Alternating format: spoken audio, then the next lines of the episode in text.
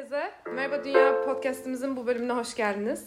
Bugün geçen hafta gerçekleşmiş olan, geçen hafta salı günü gerçekleşmiş olan felsefe etkinliklerimizi konuşacağız. Saint Michel'in ev sahipliği yaptığı bu proje pandemi döneminde fiziksel uzaklığı da hesaba katarak düşünsel ortamı sağlamaya çalışmak için kurulmuş, yapılmış bir proje. Bu yıl ikincisinin birinci oturumu gerçekleşti geçen hafta. Tüm Fransız liseleri Hamlet'i okudu ve e, bunun üzerinden konuştular. Bugün yanımda Yaz Talya var 11. sınıflardan ve Serap Hocam var. Merhaba. Hoş geldiniz. Merhaba. Teşekkür ederim sohbete katıldığınız için. Azıcık size bırakmak istiyorum sözü. Bu bu etkinliğin amacını sizden duymak istiyorum. Hani neden böyle bir etkinlik yapmak istedik? Neden bir kitap okuyup bunun üzerine konuşmak istedik felsefe bağlamında? Buyurun. E, keşke Belgin hocamız da burada olsaydı. O daha güzel yanıtlayacaktı ama ben geçen yılki etkinlikte de vebayı konuşmuştuk. Bir şekilde bu etkinliğin neden e, programlandığını biliyorum o anlamda. E, pandemi dönemi zor bir dönemdi, zor bir süreçti. Hala da içindeyiz. E, İnsanlara e, buluşmak, kitaplarla buluşmak, birbirlerim, birbirimize düşünceler alacılığıyla ulaşmak istedik ve felsefi anlamda bir düşünceyi de geliştirmek, büyütmek, çoğaltmak istedik. Bu anlamda Belgin hocanız diğer Fransız hocalarıyla böyle bir etkinliği başlattı ve ilk kitap Veba'ydı. Çok e, hoş da oldu. Diğer okulların kitapları da güzeldi ama Veba özellikle içinde bulunduğumuz döneme ait bir kitap oluşuyla da e, etkiliydi. Bu yıl e, yine online devam etti okullar açık olmasına rağmen bu yılda Hamlet konuşalım dediler. Ve Hamlet'i konuştuk ve e, zannediyorum keyifli bir oturum oldu. Hem geri dönüşler bu şekilde geldi. Öğretmen arkadaşlarım sağ olsunlar beğendiklerini ilettiler. Böyle oldu. Güzel bir etkinlik oldu ve bu yıl yine Fransız okullarıyla kitap okumaları devam edecek. Yine güzel kitaplar okunacak. Ama şimdi e, William Shakespeare üzerine biraz konuşmak belki, Hamlet üzerine konuşmak belki ve hani bugüne ait saptamalarda bulunmak iyi olur. Yaz ne dersin? Evet, ben e, Shakespeare'in hayatının ve Shakespeare'in kendi kişiliğinin de yazdığı eserlerde çok etkisi olduğunu düşünüyorum. Çünkü bu noktada aslında bir takım düşünceler var. Belki de Shakespeare yazmadı, belki de bir hayaldi. Onun bu, bu kadar önemli eserler ve bir sürü eseri var. Bu kadar önemli eserler yazması belki de onun eserleri değildi, başka yazarların eserleriydi. Çünkü Shakespeare aslında e, bir tüccar ve aristokrat sınıfından bir insan değil. Bu yüzden bu kadar konulara hakim olması, toplumu gözlemle iyi gözlemleyebilmiş olması insanlar için bir soru işareti. Acaba gerçekten o mu yazdı? Çünkü yüksek öğretim görmemiş, sıradan bir eğitim görmüş biri aynı zamanda. O yüzden bu kadar kapsamlı gözlemler yapmış olması insanların ilgisini çekti. Aynı zamanda da biliyorsunuzdur İngilizce çok fazla deyim ve çok fazla söz kattı. Yaklaşık 2000 deyim yazdığını ben kendim biliyorum. Kendi kendi kurduğu cümleleri de yazdı. Aynı zamanda aslında o dönemde insanların konuştuğu dili, halkın dilini yazıya döktü ilk defa. O yüzden İngilizce dilinin bu hale bugün bu kadar geniş bir kelime haznesine sahip olmasının en büyük sebeplerinden biri aslında Shakespeare'dir. Burada Shakespeare'in kendi kişiliğinden ve hayatından bahsedecek olursak kendisi zaten çok önemli bir yazar, onu biliyoruz. Ama aynı zamanda mesela ben şu konudan biraz bahsedebiliriz. Vermek istediği çok fazla şey var. Hamlet'in bu kadar uzun süre okunmasının sebebi de o. Hatta hümanistlikten, hümanizmden de bahsedebiliriz bu konuda. Kişilik alın yazısıdır cümlesi. Burada Hamlet'ten çıkarılacak derslerden biridir. Ve Shakespeare'in orada iletmek istediği şeylerden de biridir o noktada. Zaten Serap Hocam da bunun üzerine birkaç şey söyleyecektir. Ama e, devam edecek olursak kadın karakterleri de çok güçlü olan bir yazardır.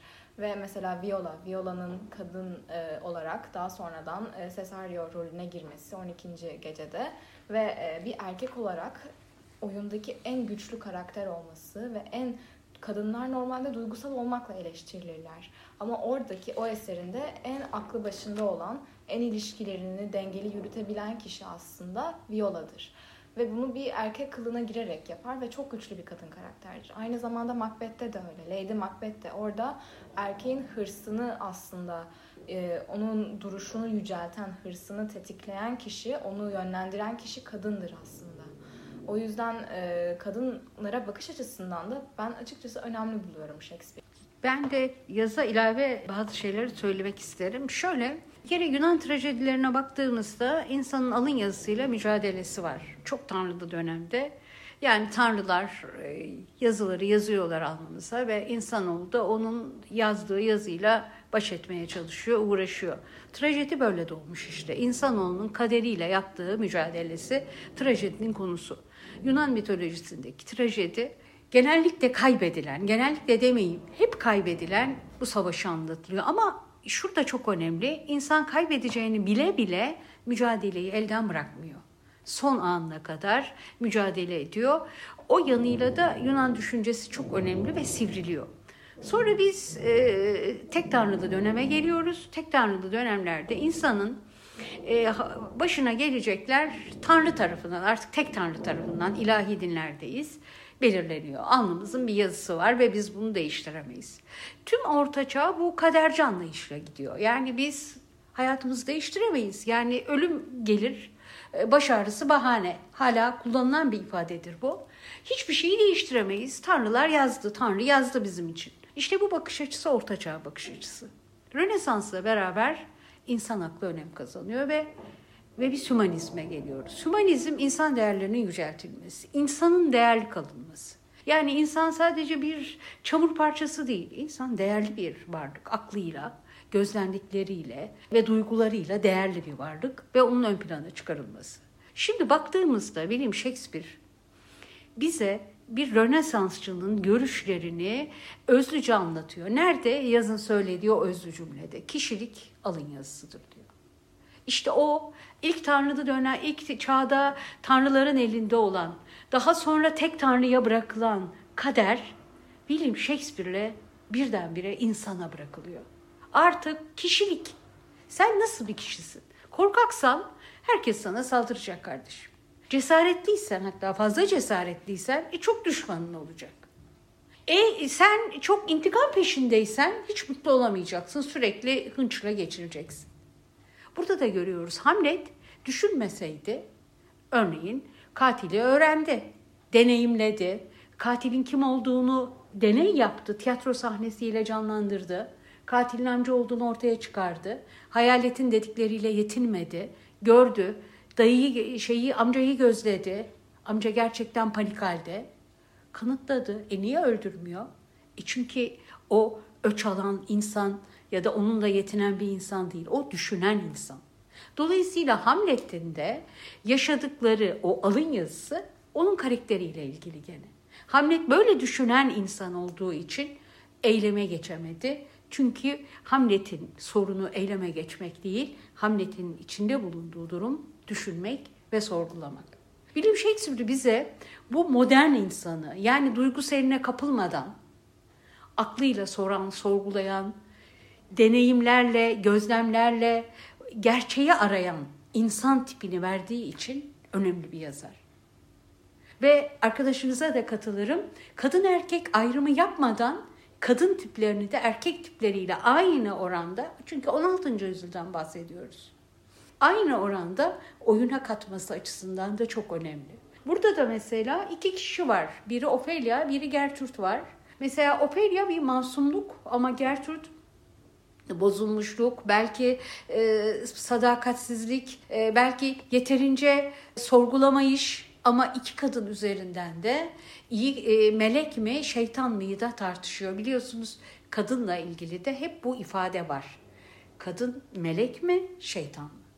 Dolayısıyla Hamlet'in bu oyununda biz kadını da etkin olarak görüyoruz. Hem William Shakespeare'de Hamlet oyununda kişilik alın yazısıdır diye onun e, kadını ve insanı öne alışını görüyoruz. Hem de Rönesans bakış açısını William Shakespeare'de görüyoruz. O yüzden çok önemli diyorum. Aynı zamanda kişilik alın yazısıdır cümlesinde ben Ophelia'nın sessizliğini de Çok görüyorum. güzel, evet. Ophelia'nın orada Hamlet yani sevgilisine çok büyük hakaretler ediyor. Babası da erkek kardeşi de. Ve bütün bu süreç boyunca babasına hiçbir şekilde geri bir bildirim, geri bir şey söylemiyor. Ona bir baş kaldırmıyor, inkar etmiyor. Tamamdır, evet lordum diye cevap veriyor. Sadece bir noktada e, belli bir pasaj geçiyor. Orada erkek kardeşine bir cümle söylüyor ve onları rahiplere benzetiyor. Ve orada bu kelimenin çok üstünde aslında durulması gerekiyor. Çünkü bilerek kullanıyor o lafı. Siz kendi yanlışlarınızı bilerek, siz inançlarından inançları yozlaşmış rahipler gibi lütfen bana kendi inançlarınızdan farklı olan bir şekilde cevap vermeyiniz. O kısmı birazcık daha iyi söyleyeyim. Siz kendi yani inançları yozlaşmış rahipler gibi bana kendi inançlarınızla aynı olmayan ama sizin kadar yozlaşmış olduğunu savunduğunuz bir insanı kötü göstermeyiniz. Ben bu cümleyi kesinlikle kuramadım. Özür dilerim. Şöyle aslında kurdun ama hani Ee, daha evet. kısa ifade etmek gerekirse zannediyorum şu kendi yaşadıkları ahlaki pratiklerle Ophelia'ya dayattıkları ahlaki pratikler farklı. Kesinlikle. Ve Ophelia'nın öfkesi ona. Siz kendiniz içinde olmayacağınız yaşam standartlarınızı, kurallarınızı bana dayatıyorsunuz. Evet. Orada da kadın bugüne kadar geldiğimiz kadın erkek ahlaki bakış açısındaki o değer yargılarının çifte standartlığını gözler önüne sermiş oluyor. Ve unutmamak lazım bu eser 16. yüzyılda yazıldı. Tekrar tekrar durup bunu söylememiz lazım. Ophelia bunu diyorsa abisine sen başka şey yaşıyorsun bana başka şey dayatıyorsun diyorsa bu çok önemli. O Kesinlikle. yüzyılda bu çok önemli bir ifade. Kadın erkek Evet. e, rollerinin, stereotiplerinin ilk Evet. kırılma noktası bile denilebilir. Kesinlikle, kesinlikle. Bu anlamda William Shakespeare gerçekten çağının çok ötesinden. Yazda dedi ya, o kadar çok şey yapmış ki bu adam. Deniyor ki böyle bir adam olamaz. Eğitimine bakılıyor. İşte çok iyi bir eğitim yok gibi görünüyor. Ticaretle uğraşmış. Hatta epey de bir para telaşında da olan bir adam. Yani para kazanmak isteyen bir adam. Bunun için oyunlar yazan bir adam. Bunun için tiyatroyla uğraşan bir adam. Nasıl olmuş da bu kadar büyük şeyler söylemiş diye edebiyat dünyası hala belki de Bunlar benim Shakespeare ve Hamlet üzerine bir e, ön açılmalarımız olsun ve şimdi de Hamlet eserinin önemi üzerine bunu da konuştuk o etkinlikte konu başlıklarıyla. Onun üzerine ne dersin yaz? Bunun üzerine de bir şey söylemek istiyorum ama aslında sizin deminki şeyinize birazcık ekleme yapmak istiyorum. Belli bir noktada zaten kadın erkek eşitsizliğinden bahsetmiştik. Fransa'ya oğlunu gönderirken Polonius'un öğüt olarak aslında verdiği erdemsizlik davranışlarından biraz bahsetmek istedim o noktada. Kötü davranışlarda bulunsan bile bunu etrafa yayma, insanlara gösterme. Sonuçta bizim orada bir görünüşümüz, bir imajımız var ve bunun bozulmaması gerekiyor.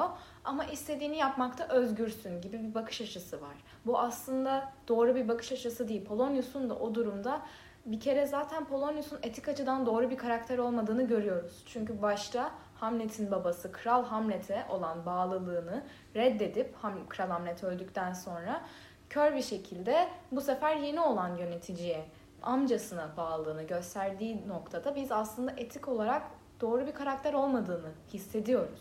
Daha sonrasında da bu kafasında oluşturduğu erdemlilik, kafasında oluşturduğu görüş, kafasında oluşturduğu toplumun oğluna ve kendine bakış açısını kurmaya çalışmasından da aslında bu yalancı erdemlilik diyebiliriz. Çok güzel. Bu noktada onun davranışlarından aslında konunun iyi bir insan olmaktan çok iyi görünmek olduğunu görüyoruz. Ve bence Ophelia'nın da zaten Ophelia aslında yıllarca konuşulmamış bir karakter. Ben e, Ophelia'nın iyi işlenmiş bir karakter olduğunu düşünüyorum Shakespeare'in iyi işlediğini, delil- delirme noktasına kadar iyi işlenmiş bir karakter olduğunu düşünüyorum. Ama yıllarca güzel bir kadının bir traje- trajedisi olarak düşünülüyor. Ve yıllarca onu bir karakter olarak biz aslında içten içe görmüyoruz, tanımıyoruz. Daha sonralarda, daha popülerleşmeye başladığı zaman, kadının rolü daha fazla toplumda arttığı zaman ve okuyucu da kadın olmaya başladığı zaman Ophelia ilgi çekmeye başlıyor aslında. Bu yüzden böyle bir ekleme yapmak istedim. İsterseniz sorunuzu tekrar sorun. Önemini tekrar evet bu ben. o, ben de son kez şunu da derim. E, iki yüzlü ahlakın burada sorgulandığını görüyoruz ve Hamlet'in bütün meselesi evet o iki yüzlü ahlaka karşı çıkmak. Buradan Hamlet'e gelmek istiyorum. Hamlet neden önemli bir trajedi? Hamlet bence çok önemli bir trajedi. Çünkü orada entelektüel bir insan var ve bunu biz Hamlet olarak görüyoruz. Aynı zamanda entelektüel insan dediğimiz kişi kimdir ve dünyanın ve bu sistemin bozukluğuna ve çarpıklığına olan tepkisi nedir bunu görüyoruz ve belki de hepimizin içimizde yaşadığı sorunu dile getiriyor ve onun da bizimle aynı problemleri yaşadığını biz hissediyoruz. Çünkü burada çok kokuşmuş diye adlandırıyor Danimarka'yı zaten. Kokuşmuş olan bu ülkede tamamen neredeyse yok olmak üzere olan çok çarpık bir sistem var. Bir yönetici var. Yönetici yanlış bir yönetici zaten başta. Ve bunu düşünen bir insan, kültürlü, eğitimli bir insan olarak düzeltmeye çalışıyor Hamlet. Ama aynı zamanda ne taraftan düzelteceğini şaşırıyor ve ne yapması gerektiğini aslında kafasında kestiremiyor ve sonunda umutsuzluğa kapılıyor. Ölüm isteğini de o yüzden görüyoruz biz aslında. Burada Ophelia'ya olan aşkı ve karşılıksız aşk değil aslında. Burada bir devlete ve topluma karşı olan bir görevin hissiyatı ve onu içinde hissetmesi bir sorumluluk hissiyatı var. Bu onu düşün, onun düşünen bir insan olmasından gelen bir hissiyat zaten. Ve bu hissiyatın ona yük olması ve nasıl düzeltmeye çalışmam gerekiyor acaba? Nereden düzeltmeye çalışmam gerekiyor? Bakış açısından da geliyor. Ve düzeltemeyeceğini düşündükçe, gördükçe daha da umutsuzluğa kapılıyor ve ölme isteği yaratıyor bu onda. Aslında o tirat olmak ya da olmamak tiratı burada o ölüm kalmalı mıyım, baş kaldırmalı mıyım, düzeltmeye en azından çalışmalı mıyım? Yoksa yapamayacağım zaten hiçbir şey ve umutsuzluğa kapılmamı, kapılmalı mıyım, kendimi bırakmalı mıyım? Hatta belli bir noktada isyan ettiğini görüyoruz. Bana mı düştü bu ülkeyi korumak, bana mı düştü bu toplumu düzeltmek? Ama evet ona düştü çünkü eğitimli ve düşünen insan olarak, kültürlü bir insan olarak ona düşmüştü aslında o görev. Ve bunun bilincinde aslında. Bu noktada ben şunu eklemek istiyorum. O zaman buradan şunu söyleyebilir miyiz? Entelektüel, kendini bilen, çevresinin farkında olan insan otomatik olarak bir sorumluluk sahibi olmak ister. Yani istemez aslında ama bu istemsizce ona dayatılır. Yani kendisini bir durumdan sorumlu hisseder. Mesela burada e, ülkeyi kurtarmak Hamlet'in omuzlarında. Kimse ona böyle bir sorumluluk vermemesine rağmen kendini bu durumdan sorumlu hissediyor. O zaman bunu söyleyebilir miyiz? Kesinlikle. Evet e, ve aslında bir kral oldu. Yani aslında yönetici sınıftan biri. Bir de Hamlet'in hani şöyle bir şey var. O iktidar olmak istemiyor, kral olmak istemiyor. Onun bütün öfkesi e, annesinin e, amcasıyla evlenmiş olması. O bütün bunun öfkesi içerisinde. Sonra tahta geçmek için amcanın babayı öldürdüğünü anladığında evet bir çözüm bulmak lazım. Çünkü bu kokuşmuş bir sistem. Tahta geliş yanlış, cinayetle tahta gelinmiş ve bir katil var iktidarda e, ve bunun e, değiştirilmesi gerekli. O anda bir yönetici aslında yani üst sınıfa dahil kulak ardı edebilir. O sadece kendi öfkesini, kinini ala, kusabilir. İşte amcasından intikam alabilir, bu işi bitirebilir ama onun derdi o değil. Onun derdi artık bozulmuş bir sistem var ve bu sistemin değişmesi gerekli. Ve bu sistem öyle bir hale geliyor ki revize edilemez. Ne tarafını düzeltsen öteki elinde kalacak. Dolayısıyla bunun artık tamamen çivisi çıkmış dünya diyor ve yıkılması gerek. Yıkılması ve yok olması gerek. Ölüm onun için bir kurtuluş. Her şey yıkılsın, her şey bitsin ve yeniden bir doğuş başlasın. Bir çözüm olarak orada istenen şey yok oluştur. Bu sistem yok olacaktır ve ancak yeni bir sistem bunun üzerine tekrar doğacaktır. Böyle bir bakış açısıyla hep ölümü çağırır Hamlet. Buradaki onun hani e, yaza katılırım biraz. Karamsar bakışı, bakışı da olabilir ama ondan daha çok düzeltilmesi imkansız bir şey. Bazen yıkmak gerekir çünkü. Bazen artık o yapılmayacaktır, düzelmeyecektir. O zaman onun yıkılması ve yeniden yapılması gerekir. Hani düşmek gerekir bazen. Düşüp kalkarsın ayağa. O zaman burada ölüm bir kurtuluş mu Hamlet için? Yani kurtuluş demeyeyim de Yok bir şeylerin oluş. yeniden başlaması evet, için bir, bir şeylerin fırsat. yeniden başlaması için ilk fırsat. İlk ilk aşamaya da. Ve zaten sonunda da hikayenin sonunda da biz şeyi görüyoruz. Herkes ölüyor. Ölümle sonlanıyor. Ve aynı zamanda yeni bir yönetici, yeni bir sistem geliyor ve ona bırakılıyor devlet. Arkadaşına bırakmıyor mesela. O ki onu görevlendiriyor çünkü en çok ona güveniyor.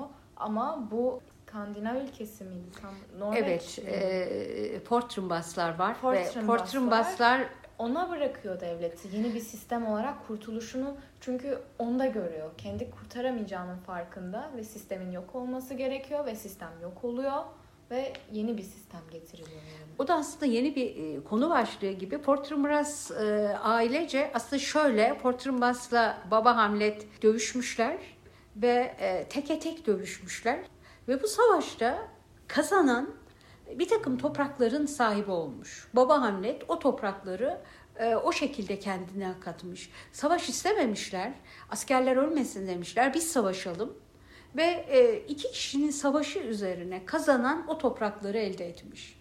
Baba Hamlet'in ölümü üzerine Portrumbasların yeğeni tekrar devreye geliyor. Amca Hamlet'i güçsüz buluyor çünkü. O toprakları almak, o amcanın al, kaybettiği toprakları almak ve kendi topraklarını da çoğaltmak derdinde. Hatta mümkünse daha fazlasını almak derdinde.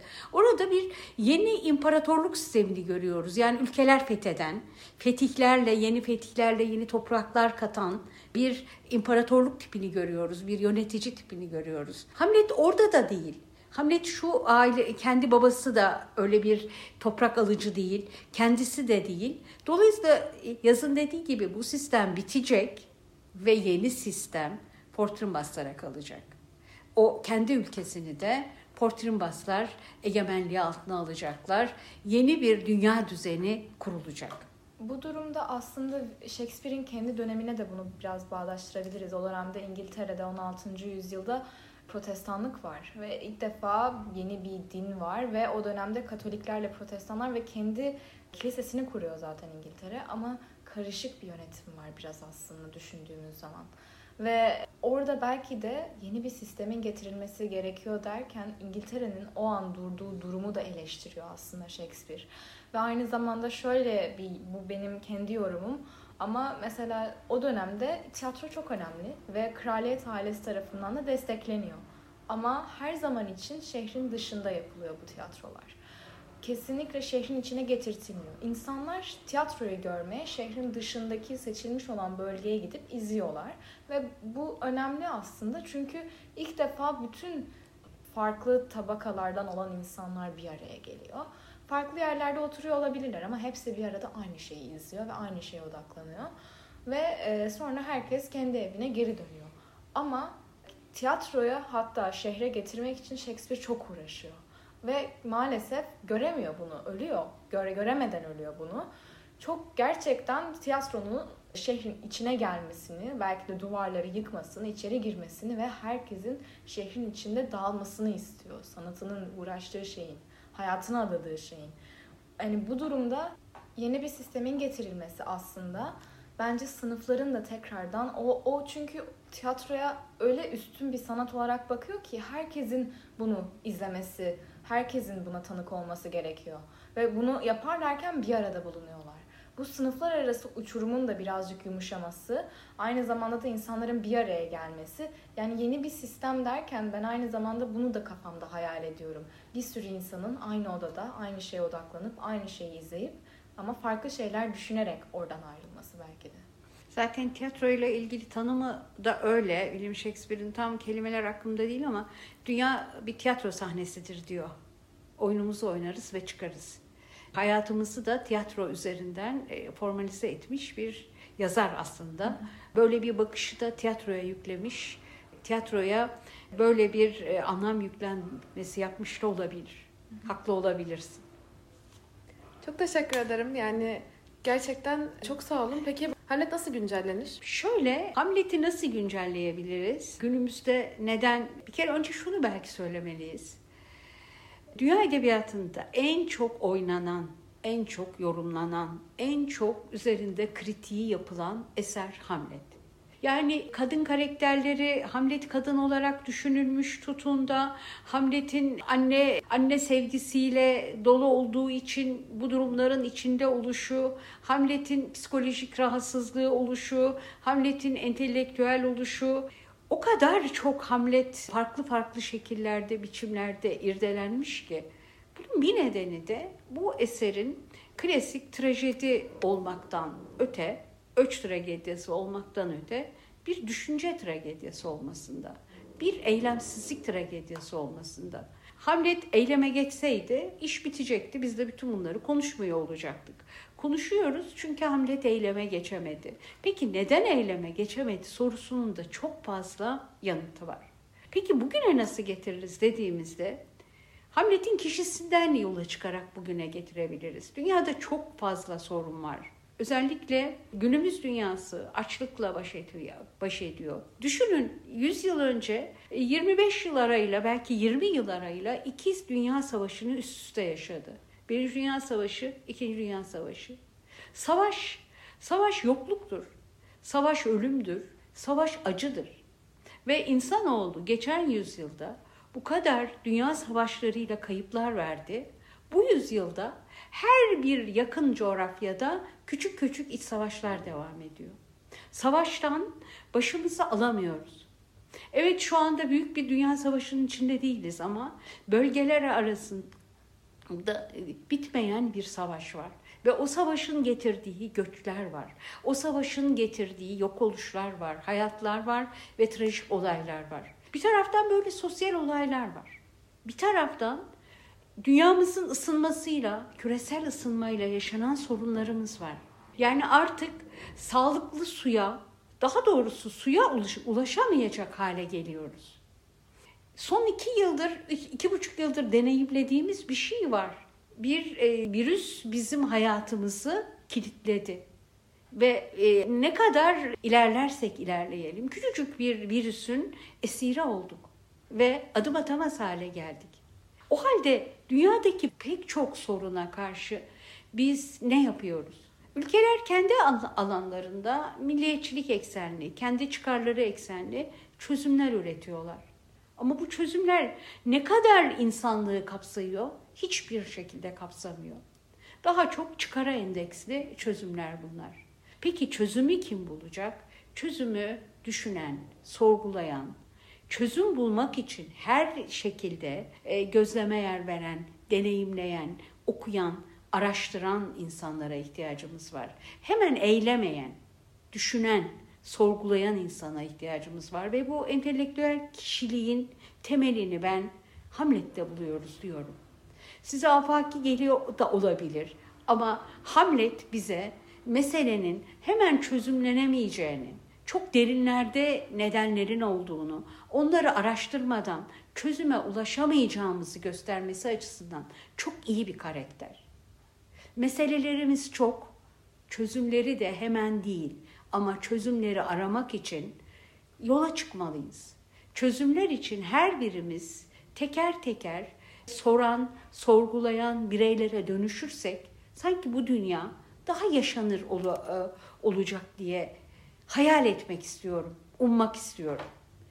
Siz ne dersiniz? Savaş konusunda ben açıkçası küresel iklim krizin konusunda zaten hepimizin çok büyük endişeleri var ve çok ciddi bir konuya gelmek üzere. Ama şunu düşünüyorum. Bizim şu an onunla ilgili bir sürü çalışma var ama savaş devam ederken ve insanların ontolojik varlıklarına bir saldırı varken düzenli bir şekilde biz oturup da Avrupa Birliği'nin sürekli bir araya gelip kendi aralarında yine de gelişmemiş olan ülkeleri böyle suçlayıcı bir şekilde ve eksik yönlerini ortaya çıkararak toplanmasını açıkçası doğru bulmuyorum. Bu noktada bizim hepimizin bir araya gelip işte güneş panelleri, işte alternatif enerjiler tabii ki teknoloji gelişmeli Teknoloji şu an olduğu yerle biz başa çıkamayacağız küresel iklim kriziyle. Ama burada savaşlar sona ermeli. Burada biz çünkü burada daha büyük bir tehdit var. Burada insanın kendi yapısının haricinde ve kendi ülkeleri ve politik problemleri haricinde dünyanın sonu geliyor. Dünya yok oluyor ve bütün bir ekolojik sistem kafayı yemiş durumda, mahvolmuş durumda. Şimdi böyle bir durum varken biz aslında problemlerimizi bir kenara koyup da ya da politik çıkarlarımızı bir, bir sürelik en azından belki de kenara koyup da bu probleme odaklanmalı ve bunu çözmek yerine herkes kendi bir şekilde bir tarafını çekmeye çalışıyor konunun ve toparlamaya çalışıyor ama bir taraf elinde kalıyor. Hamlet'te de bunu söylemiştik. Ama burada bir tarafın elimize kalmasının sebebi bizim bireysel hareket etmeye çalışıyor olmamız. Ya da bireysel olmadığı zaman da en fazla 10-12 ülkenin bir araya gelerek yaptığı bir şey bu. Şimdi bu noktada savaşlar devam ederken, insanlar öldürülürken o insan nasıl düşünsün dünyamızı biz nasıl daha iyi bir hale getireceğiz ya da ben nasıl düşünmeliyim, sorgulamalıyım, kendimi daha iyi bir noktaya gelmeliyim ki dünyaya yararlı olayım. Şimdi biz eğitimli insanlar olarak ve sorumluluk hissiyatından bahsettik. Bunu kendi içimizde hissediyoruz ve belki de meslek seçimlerimizi yaparken de Sen Michel öğrencileri olarak düşünüyoruz ve kafamıza tartıyoruz. Ben seçtiğim meslekte ileride nasıl bir etki bırakacağım? Ya da insanlığa yardım olacak bir şekilde nasıl ya, e, kendimi sunacağım? Ya da yaptığım işlerin bir anlamı olacak mı, olmayacak mı? Zaten okulumuzun görevi de bu. Bizi bu yöne doğru bir rehber olarak bizi bu yöne doğru itmek. Ama bu noktada şimdi bireysel olarak bir şeyler yapılabilir, yapılamaz. O ayrı bir konu. Ama savaşların kesinlikle bitmesi gerekiyor zaten. Çok daha büyük bir problem var. Gelecek problem. Gele problem şu an senin ne kadar paran ya da ne kadar kaynağın olduğu değil. Hepimizin hayatını kurtarmak. Çünkü yıllardır devam eden bir şey. Sömürgecilik hep vardı. İnsanlar hep birinden daha yüksekti ya da daha alçaktı. Ama artık fazla ilkel bir görün, görünüm. Fazla ilkel bir düşünce şekli. İnsanın doğasında yok. İnsanın doğası birbirini ezmek için yok. Biz birbirimizi ezmek için dünyaya gelmedik. O durumlara koyulmuş olabiliriz. Ama artık bir dur dememiz gerekiyor. Savaşa ve bu tür hırslara ve aynı sebep. Çünkü aynı şeyi istiyoruz. O halde toplumların, ülkelerin bu nitelikte insanları buluşturması gerekli. Kesinlikle. Milliyetçilikten, dinden bağımsızlaşan özgür insanların ancak e, çoğaldığı bir dünyada daha barışçıl, daha e, birbirinin gözüne oymadan, e, birbirinin haklarını gasp etmeden hep beraber uyumlu yaşayabileceği bir dünyayı hayal edebiliriz. İşte bu da hayaller peşinde olmayan, duygusal olmayan, nitelikli insan tipini ön plana çıkarıyor. Dolayısıyla okullar, toplumlar nitelikli insanları yetiştirdikçe bu dünya daha yaşanılabilir bir hale gelecek. Daha barış içinde olan bir dünyayı hedefliyor olacağız o zaman. Kesinlikle. Çok teşekkür ederim. Yani böyle geldiniz. Sohbet çok çok güzeldi. Özellikle Hamlet, Shakespeare ve dünya sorunları üzerinden çok teşekkür ederim. Biz teşekkür, Biz teşekkür ederiz. ediyoruz. Çok teşekkürler davetiniz için. Bir sonraki bölümde görüşmek üzere.